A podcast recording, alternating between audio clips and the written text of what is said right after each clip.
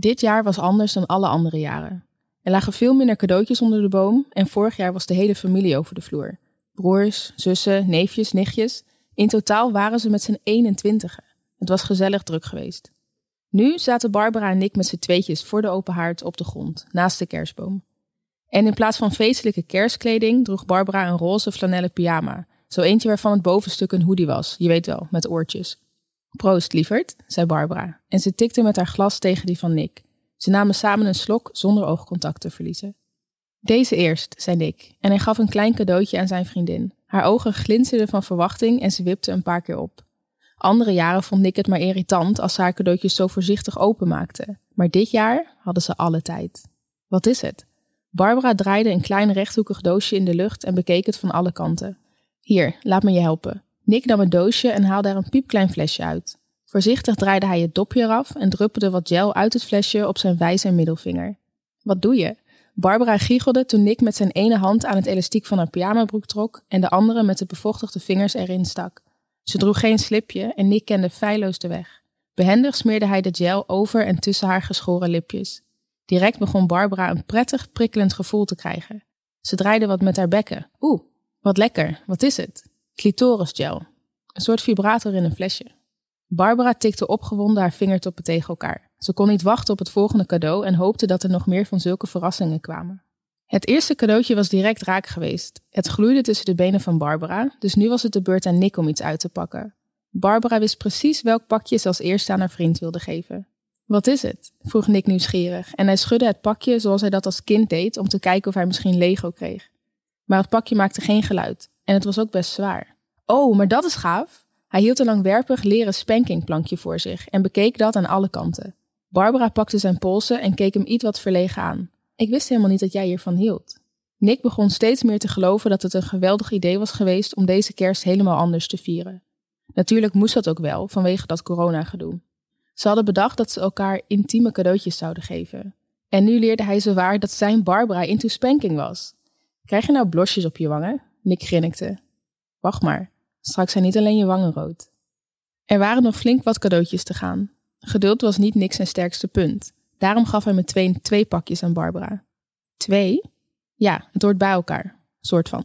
Barbara pakte eerst het kleinste pakje uit.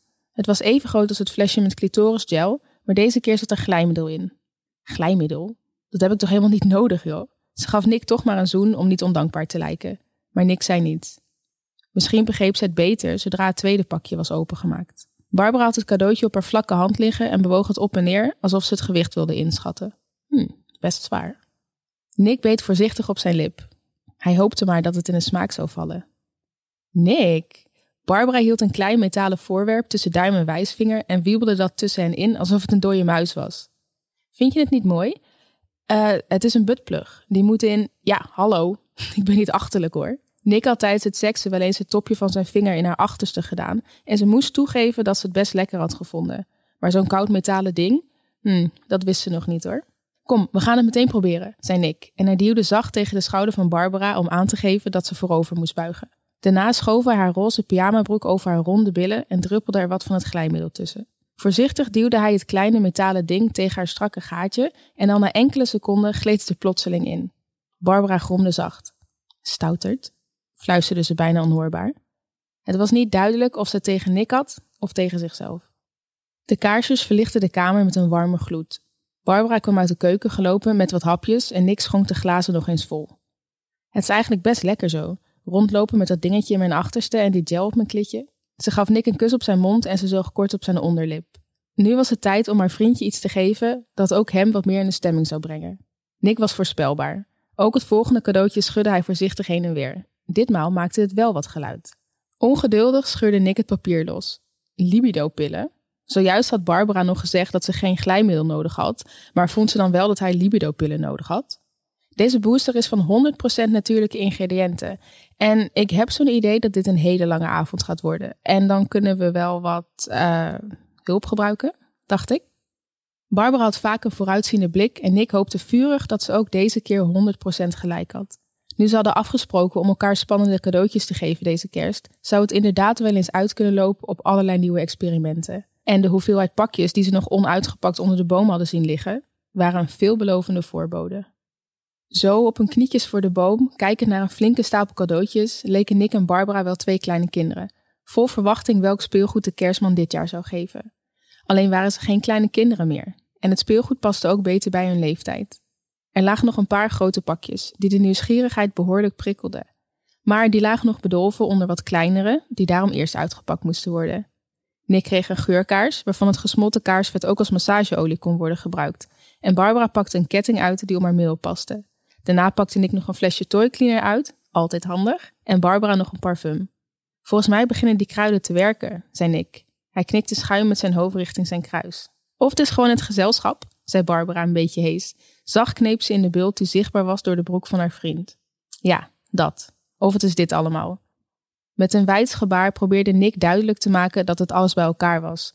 De zachte verlichte kamer, de hapjes en de drankjes, de kerstboom met de cadeautjes, de sexy speeltjes die ze al hadden uitgepakt en zijn vriendin die met haar handen over zijn harder wordende geslacht wreef. Volgens mij is het nu tijd voor dit. Vastbesloten pakte Barbara een vierkant cadeautje uit de stapel en met een enthousiast uitgestroken arm gaf ze het aan Nick. Niet veel later zat Nick met een rubberen penisring om zijn vingers. Barbara beet op haar lip. Omdoen?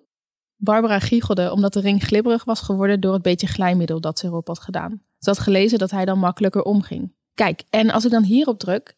Barbara kneep in de beeld die op de ring zat, waarna de ring begon te trillen. Nou, dan gebeurt dat dus. Nick gromde en duwde Barbara voor de haard op haar rug en kroop over haar heen. Fuck die andere cadeautjes, zei hij. Ik wil je nu. Niks ervan, Nick. Barbara voelde zijn opwinding, maar hij zou nog even moeten wachten. Ze wilde eerst de rest uitpakken. Met een gespeeld prauwlipje zat Nick in de kleermakerszit. Zijn broek zat halverwege zijn benen en zijn pik stond vier omhoog. Barbara greep de penisring en drukte op het knopje om hem uit te zetten. Zo, zei ze. Eerst dat. En ze wees naar de cadeautjes die er nog lagen. Ik denk dat je dit wel leuk gaat vinden. Nick pakte een van de wat grotere pakjes en gaf die aan Barbara. Oh, wauw. Ik weet niet of... Uh, wat is dit? Barbara hield een aantal riempjes voor zich die met gespen en haken aan elkaar zaten. Ik help je. Nick hielp Barbara uit te kleden en toen ze eenmaal naakt voor hem stond, trok hij de riempjes over haar hoofd als een soort shirt. De riempjes bleken een harnas te vormen dat om haar borsten, schouders en heup viel. Hij liet Barbara op de vloer zitten en bevestigde toen twee boeien om haar bovenbenen en polsen. De polsboeien haakte hij vast op haar rug en om haar benen vast te kunnen haken moest Barbara haar benen wat optrekken. Nick nam wat afstand en bekeek hoe zijn vriendin nu met de benen wijd voor hem op de grond zat. Ze was volledig aan hem overgeleverd. De buttplug glinsterde nog tussen haar billen. Zijn pik begon onmiddellijk weer te groeien. Hij zag aan de ogen van Barbara dat ze hem wilde. Maar nu was het zijn beurt om haar te plagen. Ah, eerst dat toch? Hij lachte en wees naar de stapel pakketjes die al behoorlijk kleiner was geworden. Lul, hoe moet ik nou iets uitpakken? Oh, laat dat maar aan mij over. Ben je oké? Nick controleerde of de boeien niet te strak zaten. Barbara knikte. Alleen een beetje dorst. Voorzichtig zette Nick het glas aan de lippen van zijn vriendin. Nog voordat ze alles door kon slikken, zoende hij haar op de mond. Zijn tong probeerde slinks wat van de wijn te pikken. De ogen van Barbara werden glazig. Ik heb het perfecte cadeautje voor nu, zei Nick. En omdat jij het niet uit kan pakken, zal ik het wel even voor je doen. Ongeduldig schudde Nick het papier los en even later stond hij met een soort roze ei met een staartje eraan voor haar. Zijn ouders zorgden er vroeger voor dat ze altijd al batterijen in zijn op afstand bestuurbare auto deden, voordat ze het inpakten voor Sinterklaas. Van hen had hij geleerd dat je direct met speelgoed moet kunnen spelen op pakjesavond. Hij had nu precies hetzelfde gedaan. Ontspan, zei hij zacht. Voorzichtig duwde hij het ei tegen de opening van Barbara. Jeetje, wat was ze nat. Met slechts wat lichte druk gleed het toch best wel dikke ei in haar. Barbara kreunde zacht. Vol verbazing keek Barbara hoe Nick nu zijn telefoon pakte. Nee, Nick, geen foto's. Maar Nick zei niks en swipte alleen op zijn scherm. Hij tikte en swipte nog wat en plots voelde Barbara een diepe trilling opkomen. Ze slaakte een hoog gilletje van plezier en verrassing. Nick draaide en veegde zijn vingers over het scherm en met iedere beweging van zijn hand veranderde de trilling. Oh mijn god, Nick. Er verschenen rode vlekken op haar huid en haar bekken begonnen ongecontroleerd te trillen. Dit was precies de reactie waarop Nick had gehoopt. Na Barbara's eerste ontlading was het tijd voor een korte pauze. Nick maakte haar boeien los en haalde de speeltjes uit haar. Ze maakte de speeltjes schoon, zie je wel dat het handig is om toy cleaner te hebben, en schonken de glazen nog eens vol. Oké, what's next? Nick wreef in zijn handen. Hij kon duidelijk niet wachten. Nou, pak jij deze dan maar uit. Barbara zoende Nick liefdevol op zijn mond en gaf hem een doosje dat vierkant en hard was. Er zat een vreemd soort bal in met geometrische vormen die zacht en kneedbaar aanvoelden. Um, kijk, zo. Barbara nam de bal en keerde die binnenste buiten. Vervolgens deed ze wat glijmiddel op het gaatje en gebaarde dat Nick zijn broek uit moest doen. De penisring zat er nog steeds om en daardoor was het bloed nooit helemaal weggevloeid. Nick ging achterover zitten en met een paar kleine likjes bracht Barbara zijn pik weer volledig omhoog. Nu nam ze de witte bal en drukte die over de eikel van haar verbaasde vriend. Oef, is dit een masturbator? Barbara grinnikte. Nu wist zij eens iets wat haar vriend niet wist. Meestal was Nick degene die thuis was op het gebied van seksspeeltjes. Ja, ze zien er niet allemaal uit als nepkutjes in een zaklantaarn, Nick. Doe je huiswerk. Langzaam begon ze de flexibele huls op en neer te bewegen. In een reflex stootte Nick zijn bekken omhoog. Nee, nee, nee, niet bewegen, anders stop ik. Laat mij het werk maar doen. Plagend bracht Barbara haar vriend een paar keer tot het randje. En toen hij het bijna niet meer kon houden, zei ze: Zo, ik denk dat het tijd is voor het volgende cadeautje. Die plagerijtjes was Nick nu wel gewend. Als je net als zij al een paar jaar samenwoont, dan leer je elkaar natuurlijk wel een beetje kennen.